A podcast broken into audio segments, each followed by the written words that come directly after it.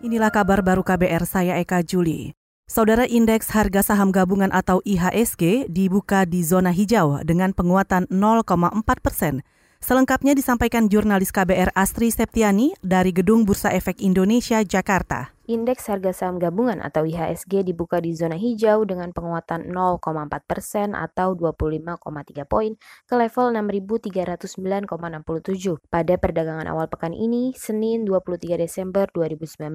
Sebelumnya IHSG ditutup berbalik menguat 0,55 persen atau 34,44 poin ke level 6.284,37 pada akhir perdagangan Jumat kemarin. Pergerakan IHSG sepanjang hari ini diprediksi masih akan bergerak di zona zona hijau atau melanjutkan penguatannya. Sementara itu, saudara, nilai tukar rupiah di pasar spot juga dibuka menguat 13 poin atau 0,09 persen ke level 13.965 rupiah per dolar Amerika Serikat. Sebelumnya rupiah di pasar spot ditutup menguat 7 poin atau 0,05 persen ke level 13.978 rupiah per dolar Amerika Serikat pada akhir perdagangan Jumat lalu. Penguatan nilai tukar rupiah terhadap dolar Amerika Serikat juga diprediksi masih punya peluang untuk berlanjut pada sepanjang sepanjang perdagangan hari ini. Demikian yang dapat saya laporkan dari Bursa Efek Indonesia, Astri Septiani, KBR. Kita ke informasi lain.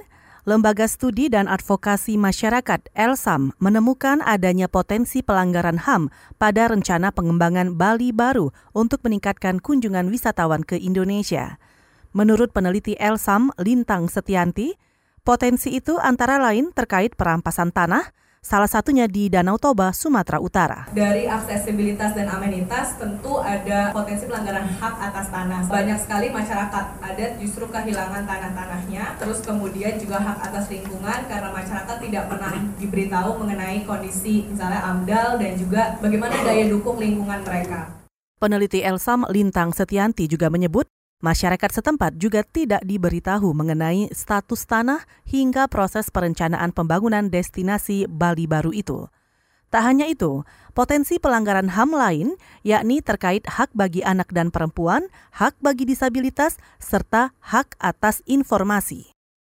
Saudara Badan Pencarian dan Penyelamatan atau Basarnas Posar Cilacap meminta wisatawan mewaspadai ombak di pantai selatan pada libur akhir tahun ini.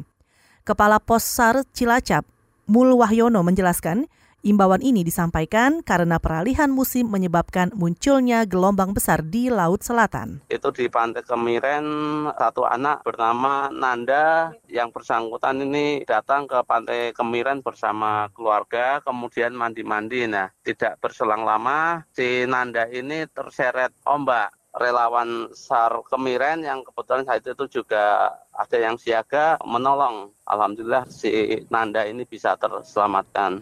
Kepala Pos SAR Cilacap, Mul Wahyono juga menambahkan, pada musim libur panjang ini, Basarnas Pos SAR menyiagakan petugas SAR dan relawan.